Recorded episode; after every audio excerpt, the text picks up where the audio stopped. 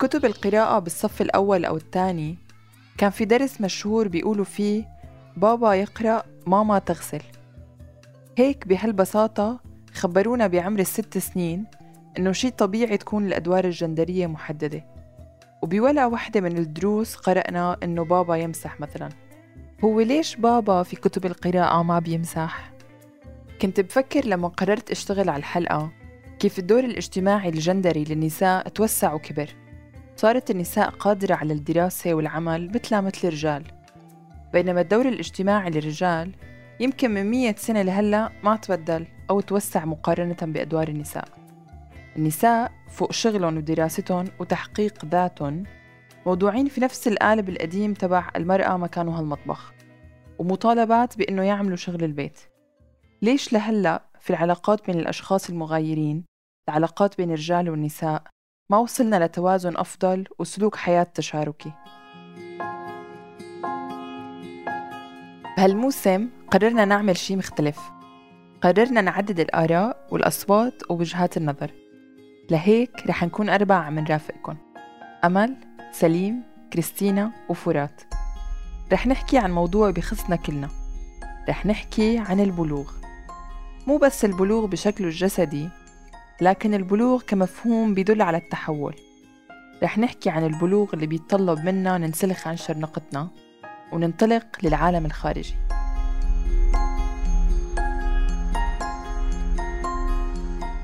اليوم رح كون أنا معكم فرات.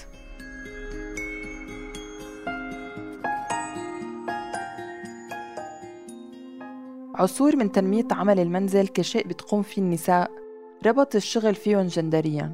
وصار يتم التعامل مع ترتيب البيت والطبخ والتنظيف كأنه مكون جيني بيجي مع البنت.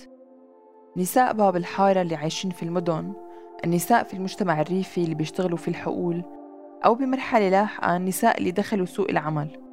كلهم بيتشاركوا بخصلة واحدة إنه بيضل شغل البيت مكتوب باسمهم. ودور الرجال مكانك راوح. حكيت مع آمال من تونس اللي بتشتغل كمدبرة منزل وبتساعد أكثر من بيت في التنظيف والترتيب. أمال عندها ولد من زوجها السابق المتوفي وعايش مع أختها وأمها. قعدنا دردشنا عن كيف بتقضي يومها وعن ديناميكيات منزلها وتنظيمه تبدأ أمال يومها بأنها تروح في نهار على مواعيد شغلها اللي محددتهم قبل بوقت. وبترجع المسويات على البيت مرة على الأربعة مرة على الخمسة مرات أكتر. تمرق على السوق بتشتري أغراض البيت وبترجع لتهتم ببيتها. تم تغيير اسم الضيفة بناء على طلبها. نمسح الدار نغسل معوني نخمل فرشي نطيب العشاء. ساعات قبل ما نخرج نغسل الماعون كما اليوم ما غسلتوش. توا باش نروح نغسله نسيق التواليت دوش وكاو نقعد نستنى زوجي حتى يجي. ساعات ندوش نعمل شوية make up. باش راجلي ما يلوش مرة أخرى عليا زوج آمال تاجر صغير عنده محل سمانة في أحد أسواق تونس. ومن النوع التقليدي اللي ما بيشارك بأعمال البيت أبدا. وعايش ملك زمانه في البيت ضمن الأدوار الجندرية المحددة مسبقاً.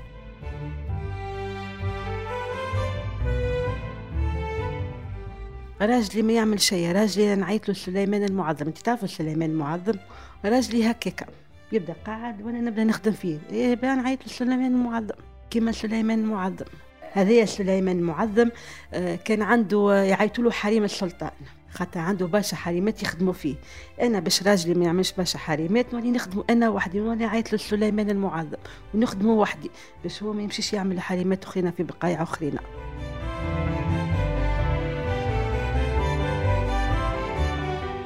سألت آمال إذا جربت شي مرة تطلب من زوجها المساعدة. قالت لي إنها جربت كم مرة بس هو ما بيحب. وإنه بتفضل ما تسأل كمان مرة مشان ما يطلقها. قالت لي إنه جوزها أصغر منها وإنه بتعمل المنطق والعقل حتى ما يتجوز عليها مرة تانية. مع إنه تعدد الزوجات في تونس ممنوع قانونا. بس خبرتني أمال إنه في كتير رجال بتجوزوا بالسر أو مصاحبين على نسوان. فهي بتقول لجوزها ليكني عم أخدمك. بس يا ويلك ويا سواد ليلك إذا بلاقيك عم تطلع يمين ولا شمال. وقت الأكل اللي عم بعمل لك إياه هون بالبيت تاكله زوادة في السجن. أقضي له كل شيء أنا نلبي له كل شيء. يلزمني نكون الأخت والزوجة والأم والصاحبة وكل شيء. والحبيبة كل شيء. باش هو ما يمشيش لا منا لا منا. نولي أنا نطيح شوية. باش ما نهدش داري ما نهدمش داري. خاطر أنا ما عنديش دار بابا معناها باش نمشي نقعد فيها وندلل فيها. فهمتني؟ خواتي كل واحدة بديارها ما عنديش دار بابا باش ندلل ناخو بيت ونقول هذه دار بابا ندلل نولي نطيح من روحي باش نقعد في داري. زوج أمال مخصص لها مصروف محدد للدار لحتى تجيب فيهم أغراض البيت. بينما تليفونها ودخانها ومصروف ابنها أو الأغراض اللي بتاخدهم لأمها هدول بتدفعهم من اللي هي بتشتغله. ولما سألتها على مصاريف إيجار البيت وفواتير المي والكهرباء قالت لي طبعا على جوزي لكن أنا على شو أخذته؟ لا لا دوكم على زوجي لا برشا عاد هكاك يولي الولد ما خدته أنا كي باش نولي نخلص الماء والضوء والكري عاد يمشي لدار أمه خير هي مصروف مصروف. الماء والضوء والكري على على زوجي. غصبا عليه بصيف عليه آه. قالت لي أمال إنه الحمد لله هو داير لبيت وهي معنا قاعدة في بيت حدا لا عند أختها ولا عند أخوها. عندها الجنة تبعها على قدها ومرتاحة فيها. في داي نعمل اللي نحب وحدي. مملكتي هذيك مملكتي مملكتي أنا. نعم فيها اللي نحب. نبدل فتياتي كما نحب نبدل صالتي كما نحب نحط فاشي وين نحب. نحب نحيها من نحيها نحب نرقد في القاعة نرقد في القاعة. ما عندها مشكلة إنها تشتغل شغل البيت المهم إنه ما تتشاحن هي وجوزها وإنه ما يحكي معها حكي سيء. لأنها ما بتحب النكد وبتحب إنها تضحك وتلعب. قالت لي بالآخر الدنيا فيها موت وما حدا آخد معه شي.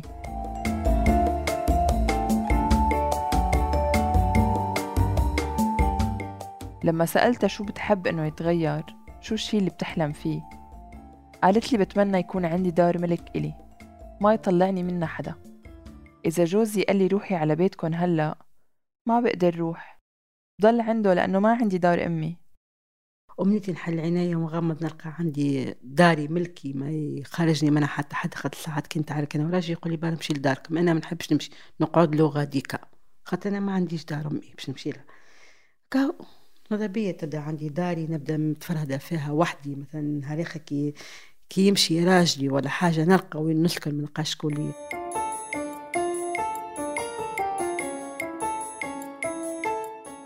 قعدت فكر بعدها إنه هل في تجارب ناجحة لنساء ساكنات مع شركائهم وقدرانين يعملوا توازن في عمل البيت؟ كيف عايشين حياتهم وكيف بيقضوا يومهم؟ أو بالأحرى هل وصلوا لتفاهم مريح؟ سألت صديقات إذا بيحسوا إنه عندهم تجربة ناجحة في تقسيم العمل المنزلي أو شبه ناجحة وفي إطار التطوير وهيك وصلت لعزة عزة فنانة بصرية من مصر أخدتني معها بالحوار زيارة لبيتها وفي رحلة عبر ساعات يومها المختلفة. إن أنا بنصحى من الفجر مع الفجر تقريبا. أنا شخصيا بقوم أفطر. وبعدها أشوف اسكت هقرا شوية.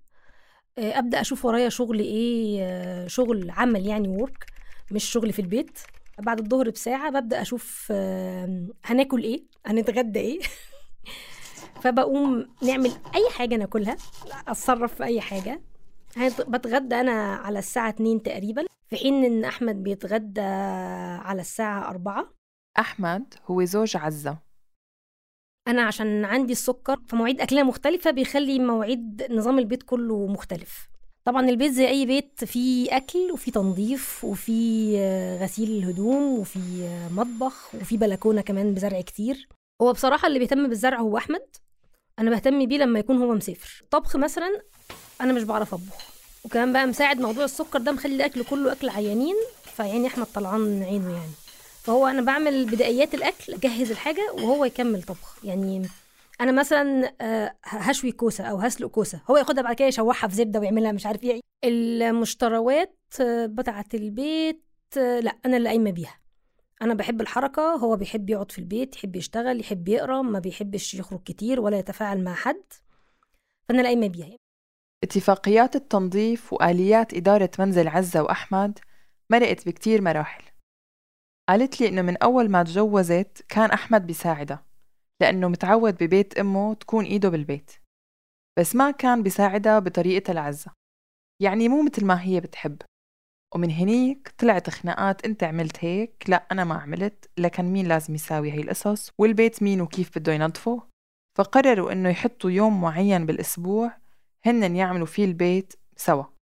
بس كمان ما زبطت هاي الاستراتيجية وظهرت خناقات لأنه كل حدا عنده توقيت. هو ببلش بكير وعزة بدها تاخد وقتها لتفطر وطلعت نقاشات انت عملت القصص من قفا إيدك لا مو هيك الاتفاق. دامت وطالت التجارب حتى وصلوا للحل الأخير. فلقينا الحل الأمثل إن اللي مضايقه حاجة يعملها خلاص. يعني هو صاحي من الصبح مضايقه التراب هيقوم يريش ويكنس من على الوش ويديها أي لكلكه كده أو كروتة. تمام. أنا هفوق على الظهرية إن أنا لسه ما عملتش أي حاجة فأبدأ أحسوك في اللي هو عمله فال... فالبيت ينضف زي ما إحنا عايزين. في حتة ظريفة في المواعين افتكرتها أحمد لما بيشيل الهم ويتنرفز ويتوتر وعنده حاجات بيروح يغسل المواعين. فأنا بسيبها هي هتتغسل أول ما هيبدا يعوز يشتغل هيخش يغسل مواعين. تمام كده. مع ملاحظة إن هو ما بيعملش الحاجات الكبيرة بيعمل بس الأطباق والمعالق والشوك والكوبايات ويسيب لي أي صحون أو كده. فماشي ده اتفاق ظريف. أشيل الكراكيب دي كلها وأنا أدخل أعمل حلتين الفايضين. تمام كده. عزة بتقول إنه في علاقتهم الموضوع ما صار لأنه حدا منهم فكر إنه شو بدنا نعمل بشغل البيت.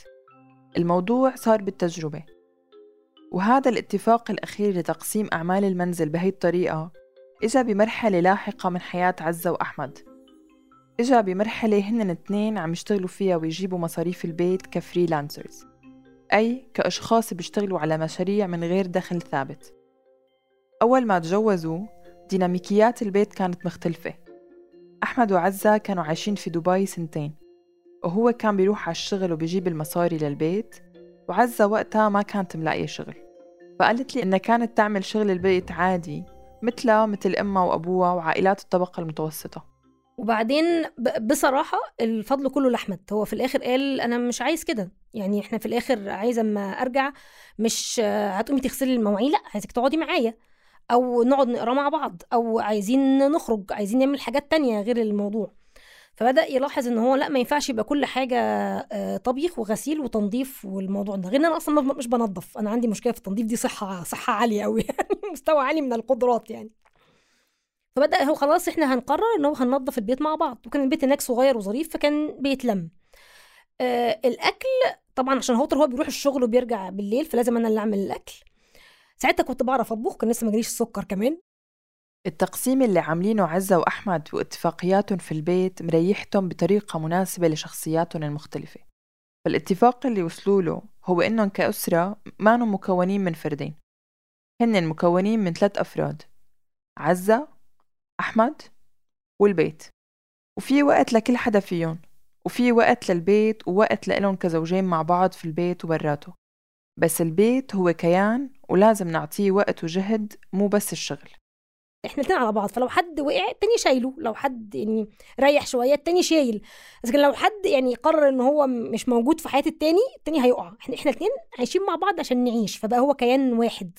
فده شوية بيصبروا إن برضو إحنا متعودين إن الأب أو الراجل أو الزوج هو المسؤول عن البيت. لا الكونس ده ما بقاش موجود خالص ومش نافع يكون موجود. فساعتها حتى مثلا لو أنا ورايا شغل خلاص أنا هعمل الأكل أنت ما تقوميش على شغلك. فهو بيعمل حاجات تانية برضو مهمة لو ما اتعملتش مش هنعرف نعيش مش هعرف أنا أشتغل. سألت عزة عن العبء الذهني لإدارة المنزل. يعني مين اللي بيطلع على الصورة الكبيرة تبع البيت وبيفكر بالتفاصيل وبيحرص على متابعة إنه ماكينة البيت عم تمشي؟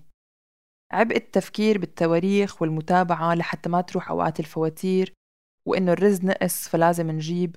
أو سائل الجلي خلص لازم نضيفه على لائحة المشتريات. عبء تقسيم الفلوس أنا اللي شايلاه وهو مش عبء عليا. هو بيبقى عبء لما أحمد هو يمسكه. لأن هو مش هيفكر فيه فمش هنبقى عارفين فمش هيقسمه. فلا أنا مبسوطة. أنا كده أريح لي يعني. الشغل اللي هو مسؤول عنها وأنا ما بقربش منها وما بقولوش اعملها وكده الزرع. والزرع بياخد مجهود مش مش مش حاجة سهلة زيه زي زي الغسيل بالظبط يعني. تنظيم الترتيب الفلوس أنا مسؤول عنها. مين بيجيب الفلوس؟ أي حد. يعني ممكن تعدي فترة أنا اللي بجيب الفلوس. عادي. العبء الذهني هو واحد من الأشياء اللي بتشتكي منه كتير نساء في موضوع العمل المنزلي. بشكل لهم مشكلة لأنه بيكونوا عم يقوموا بدور مدير المشروع أي الشخص اللي بيطلع على الصورة الكبيرة ومثل ما قلنا بيكونوا عم يتأكدوا إنه ماكينة البيت شغالة وعندها كل شي بتحتاجه. بس كمان بنفس الوقت بيكونوا عم يقوموا بالتنفيذ. الوقت اللي مهمة الإدارة بحد ذاتها بتاخد مساحة كتير كبيرة من التفكير والوقت. ولما النساء بيكونوا عاملات فهن بيكونوا عم يقوموا بشغلهم إدارة المنزل والجهد في البيت كمان. هو العمل المنزلي آه بيأثر على شغلي بيأثر على شغلي جامد حتى وإحنا مقسمينه. لأن زي ما قلت في الأول إحنا آه مقسمين الشغل بس أنا اللي بمانج فالتفكير تبعي. فآه ميعاد الأكل الساعة 3 عنده بس أنا بقوم أحضر الأكل قبلها وبقوم بقوم وأتغدى الساعة 2 فبحضر الأكل الساعة 1 فبيبقى في وقت تاني تجهيز الحاجة عشان تحصل في ميعادها. فآه بيأثر على شغلي جامد آه، في الموضوع دوت. فاللي بيأثر على شغلي مش المجهود قد ما هو ترتيب إمتى يتعمل المجهود وإمتى هقوم من شغلي أسيب شغلي عشان أعمله. بتقلي عزة إنه خاصة في موضوع الأكل في ترتيبات ما بيفكر فيها وما بتجي بباله. مثل تحضير الرز تنظيف اللحوم والتأكد إنه في خضار. فلما بتزور أمها مثلا وما بتكون كتير مرتبة قبل بوقت بتلاقي إنه وقت الغدا بيظهر السؤال على التليفون هو أنا حتغدى إيه؟ زوج عزة بالعادة بيهتم بتحضير جزء من الأكل فعزة ما بتعمل الأكل كله لحالها. لكن لو الموضوع بحاجة إنه يحتل جزء من التفكير فهي لازم تذكره وتقله على الترتيبات اللي لازم يعملها. سألت عزة لو بتحس إنه المجهود العقلي المبذول اللي بتعمله في الترتيب والتنسيق هو مرئي ومتقدر ومنشاف آه ساعات بيتقدر وساعات لأ. مش دايما بيتقدر. وبس بس في الكتير بس كتير بيتقدر بالذات لما اكون مش موجودة. فبيتقدر أو لما أبدأ أشتكي إن أنا لأ أنا ورايا شغل ولازم أعمل كذا. يعني أنا حاولت أخليه يخطر على باله إن هو يرتب الأكل بتاعه أو يشوف الموضوع ده بس فشلت. حاولت أخليه يجي على باله إن هو يرتب حاله بالذات وأنا مش موجودة. وساعات مثلا بكون مسافرة في ورشة أنا هغيب أسبوعين مش هحضر لك أكل أسبوعين. لا ساعتها بيبدأ يجمع بس بقى برجع بلاقيه بيشتكي من قد إيه هو ضيع وقت. قد إيه في وقت ضاع في ترتيب الأكل وإن أنا أقعد أرتب أكل كل شوية وما عرفتش أركز في شغلي و... هنا بقى فعلا تركيز شغله بان إن هو بيركز أكتر في شغله مني. أنا بشيل وقت الترتيب ده بيفرق.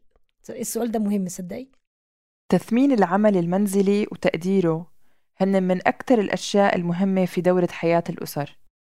لأنه العمل المنزلي روتيني ومتكرر وما فينا ناخد رضا من النتيجة النهائية مثل لو كنا عم نصنع شي أو رضا عبر الراتب اللي بيجي بآخر الشهر.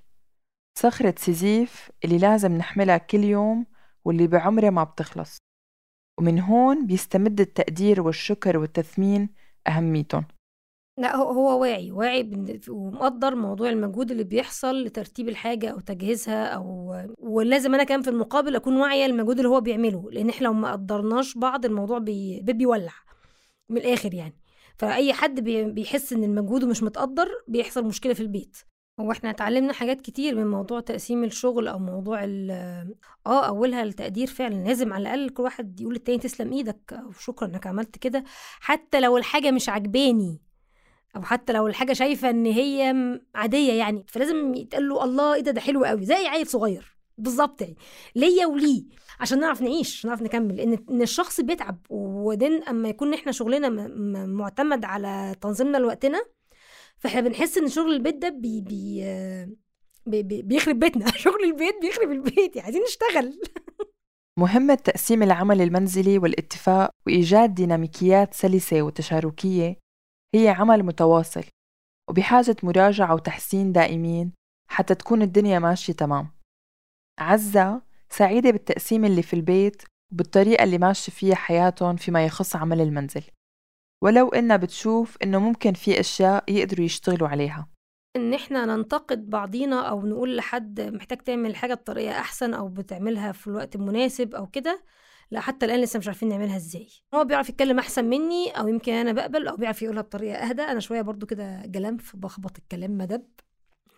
فدي مش عارفين نتفق عليها. كل مرة أقول افتكر إن دي الطريقة مناسبة وأجي أعمل كده ألاقي يحصل مشكلة.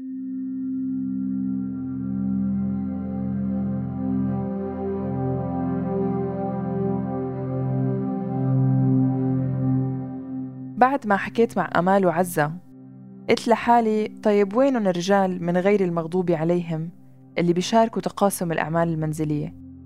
لازم أسمع منهم وأعرف كيف بيفكروا. فحكيت مع ضياء. ضياء صحفي فلسطيني سوري وزوجته أردنية عايشين حاليا بستوكهولم السويد. نهاري عادة آه، ببلش خصوصا بعد الكورونا الساعة 8 الصبح آه، بتصحى بنتي الصغيرة اللي تقريبا صار عمرها هلا أربع سنين. بنصحيها بنبلش نفطرها ونجهزها عشان تطلع على الحضانة. زوجتي بتبلش اجتماعاتها الساعة 9 فأنا عادة اللي باخذ الصغيرة بوديها وبرجعها من الحضانة. بشوف إذا في عندي أي أعمال آه، لازم أعملها. ممكن يعني ياخذ الموضوع آه، للساعة 11 11 ونص. آه، يعني الساعة 3 عادة بجيب الصغيرة من من الحضانة. إذا إذا كان عندي نفس إني أطبخ لأنه مو دائما بحس إنه في في نفس إنه الواحد يطبخ فبكون طبخت قبل. إذا إذا ما كنت طابخ بس ترجع الصغيره ببلش أفكر إنه لا يعني حتى لو أنا ما جاي بالي أطبخ في في الصغيره لازم الواحد يعمل لها يخترع لها طبخة هلأ أو أكلة تأكلها. بنقعد آه، أنا والصغيرة تقريبا للساعه خمسة خمسة ونص بتكون آه، زوجتي خلصت آه، أشغالها. بنقعد مع بعض نحن الثلاثة. بصير يعني نهار بعد هيك كثير هيك نهار عائلي عادي. ضياء بيشوف الأعمال المنزلية مقسومة لقسمين.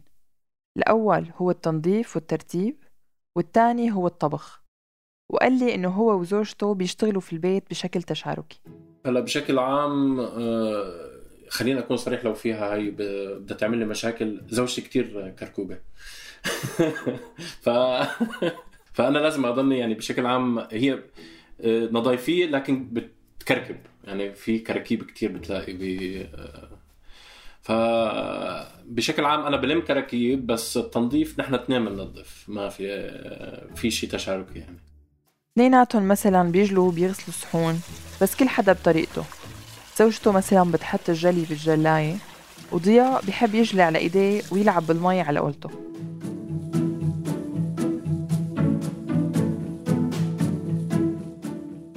الأكل ممكن يعني مثل ما قلت لك إنه الأكل ممكن آه، في أكلات معينة هي خصوصا لأنه هي زو... إنه زوجتي أردنية. ف في أكلات أردنية معينة أنا يعني بحب آكلها بس أنا ما عندي استعداد أتعلم كيف أطبخها فهي اللي بتعملها. آه، بنفس الوقت في أكلات آه، سورية أو أكلات فلسطينية أنا ما أنا بحب أعملها و... وهي بتحب تاكلها. فيعني مثلا يوم السبت أو الأحد أيام العطل بنتفق إنه هلموا هبوا هبة رجل الواحد قوموا ننظف البيت مع بعض يعني. آه، نحن اثنين بنتقاسم البيت إنه تنظيف مثلا المنافع عليك مثلا قش البيت وتنظيفه عليك والمسح علي مثلا. هيك بتصير. الأمور اللي لها علاقة بالتصليح مثلا دهان الحيطان وهيك ضياء بيقوم فيها. بس أمور المتابعة على التليفونات للفواتير والتأمين والملاحقة فهو بيلاقي إنه زوجته أشطر فيها فهي بتلاحق الأمور اليومية. أنا ما بشوف نفسي رب منزل أنا بشوف حالي عم بساعد بأعمال المنزل بس آه، كلمة رب منزل مثل ما كانت امياتنا وستنا كبيرة علي يعني إنه أكون أنا فعلا آه، رب منزل الموضوع هلا هون أكثر تشاركي آه، من إنه كان مثلا في دكتاتورية المرأة بالبيت وبأعمال البيت. بس هيك بس أه وبشوفه كتير عادي. ما يعني ما بشوف حالي مثلا لأني فخور بحالي ولا أني بنظر لحالي بدون لنفسي بدونيه بشوفه الموضوع كتير طبيعي وعادي يعني. قال لي ضياء إنه خلال سنوات زواجهم الستة جربوا يعملوا مثل اتفاقيات لكل واحد شو بيعمل. بس ما نجحت دائما. لأنه أوقات هو يخرق الاتفاق وأوقات زوجته.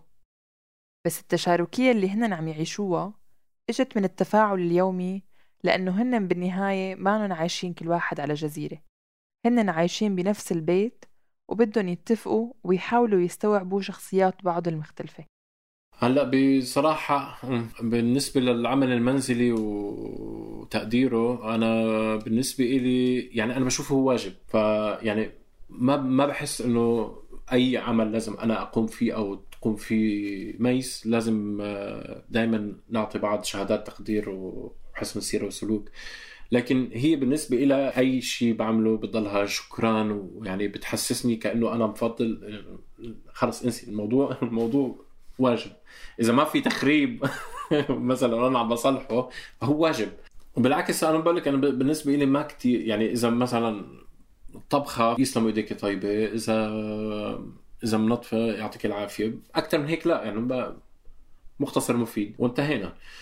هلا هي كثير بتقدر.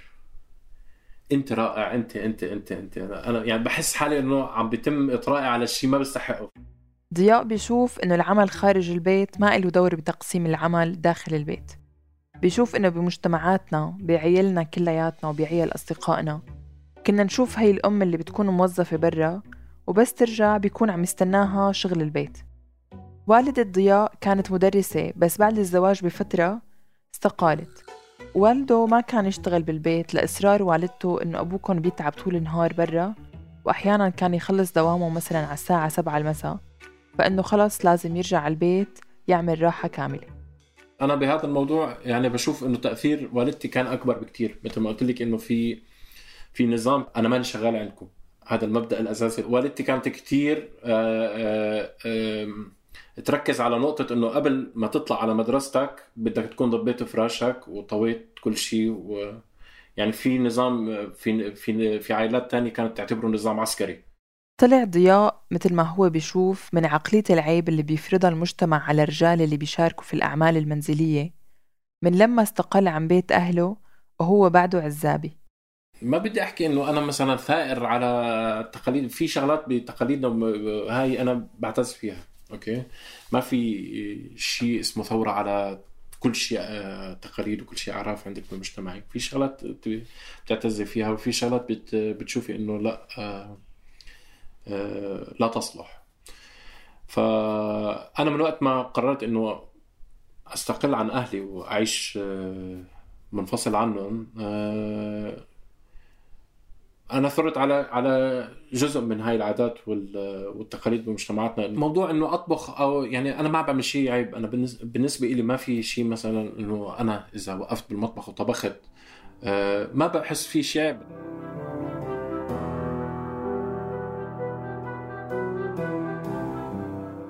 بالثلاث قصص قصة عزة وأمال وضياء.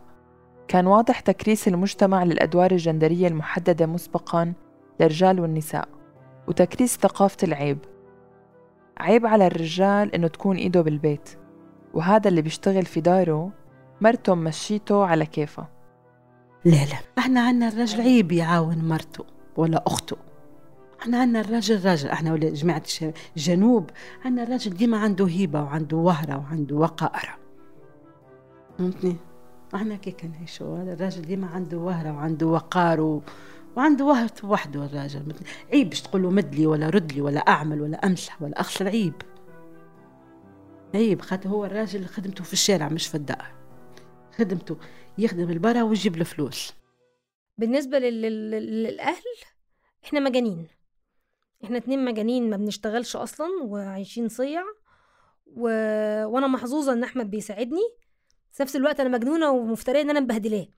يعني الاثنين يعني. يعني أنا أختي شخصيا آه، هي مش قادرة تفهم إحنا عايشين إزاي. وهي أختي أصلا عايشة في دبي.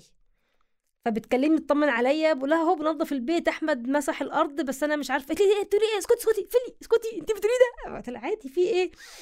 فبتكلم ماما بتقول لها يعني انت قلقانة على بنتك؟ بنتك مخلية جوزها يشتغل في البيت مشغلاه ينظف لها. فيعني طمني جدا يعني. انت لاقي على جوز بنتك. أنا بشوف إنه كان كان وما يزال في عندنا ثقافة مجتمعية هي بتعيب على الرجل إنه هو يطبخ إذا ما كان طباخ. يعني إذا ما كانت هو شغلته الطبخ بمطعم أو ل يعني هذا مصدر دخله فهو في شريحة كبيرة بتنظر للموضوع على إنه هو معيب. ببلادنا يعني ممكن بعد في في في هاي النظرة ل... ل... إنه تقولي فلان مثلا بيمسح وبيطبخ آه، في نظرة دونية للرجل إذا بيمسح وبيطبخ وبيشارك باعمال البيت يعني لأنه يعني بالنهاية في في مجتمعات ذكورية يعني آه، نحن عايشين فيها في وسط مجتمع ما قدران يشوف أهمية التشارك في تفاصيل الحياة وإنه الرجل مسؤول عن البيت مثله مثل المرأة هل موضوع التربية عن جد بيفرق؟ وهل هي مشكلة معرفة تقنية؟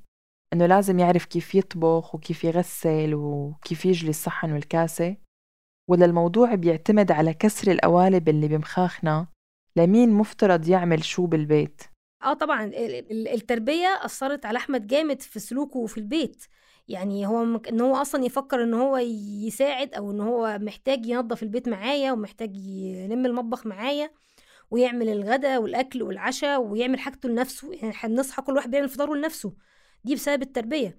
مش صحي من النوم فين الفطار أو فين الشاي أو فين القهوة ما لأ عادي اللي عايز يعمل حاجة يقوم يعملها. فدي بسبب التربية جامد. يعني هو الابن محتاج يتعلم إن هو بيساعد وبيشتغل وبيلم في البيت ولو كان اتعلم إن هو ي... يرتب أعمال المنزل قبل ما تتعمل اللي هو يرتب إن أنا محتاج أقوم أعمل الأكل إمتى وكده كان مسؤول عن ديت مش بس يتقال له اعمل ده كان اتعلم يرتب. ما يعاونيش. ما يعاونيش. هكيك تربى. تربى هكيك أنا وراجلي ما يعاونوش. شو إيش نقول لك؟ الراجل بصفة عامة ما يقضيش. اللهم يسكن وحده. في مبيت ولا البرة ولا وحده يسكن. أما معاه مرته ولا أم ولا أخوته ما يعاونش. آمال بتشوف إنه الرجال ما تربوا يشتغلوا مع النساء في البيت. ممكن يشتغلوا لما بيكونوا ساكنين لحالهم. بس مع مرتهم أمهم اختهم لا. سألتها إذا ابنها بيساعد في الشغل بالبيت. قالت لي إنه بيساعد أمها وبيرتب غرفته وبيعمل فطوره الصبح وبيلم طاولته لحاله. ولما سألتها إنه إذا تجوز حيساعد مرته الله أعلم. الله أعلم.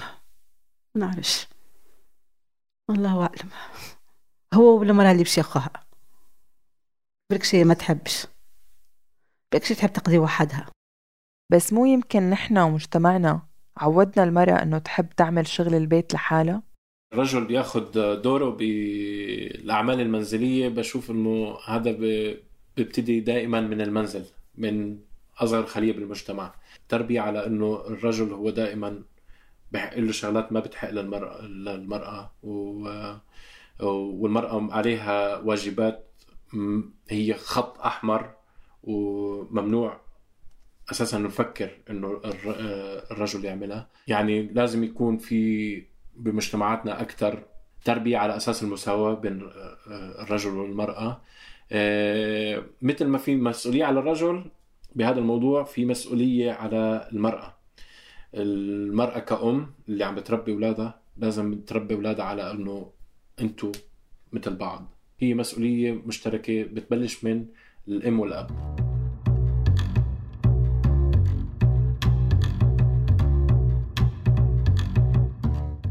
يمكن بجيلنا عم نبلش نشوف تغير واعي من بعض الشركاء تجاه العلاقات ليكون فيها شراكة حقيقية متوازنة بكل شيء. وتغير لنطلع من القوالب الجاهزة بس بنفس الوقت نطلع من ردود الفعل العمياء كمان ضد القوالب. يعني كوني بطبخ ما بيعني إني بخضع للأدوار الجندرية المحددة. وكون شريكي بيجلي الجلي والماعون ما بيعيبه لكونه رجال بس لسه في كتير نساء عايشين جوا الأدوار الجندرية المتحجرة والنضال لكسر القوالب وإعادة التوازن الصحي للعلاقات لازم ياخد بعين الاعتبار. ظروف النساء مثل عدم الاستقلالية المادية افتقادهم للبيئة الداعمة والظلم الاجتماعي اللي بتعيشها أسر كاملة وبتضاعف هشاشة النساء.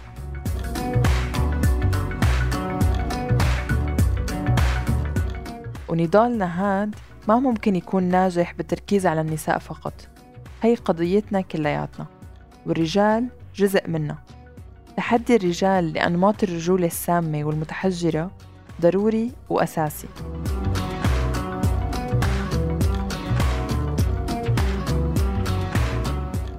كنا معكم من الإعداد والتقديم فرات الحطاب من التحرير صابرين طه من هندسة الصوت حسان مهرب من النشر والتواصل مرام النبالي ما تنسوا تشتركوا بقناة عيب على تطبيقات البودكاست لحتى توصلكم تنبيهات الحلقات الجديدة عيب من إنتاج صوت.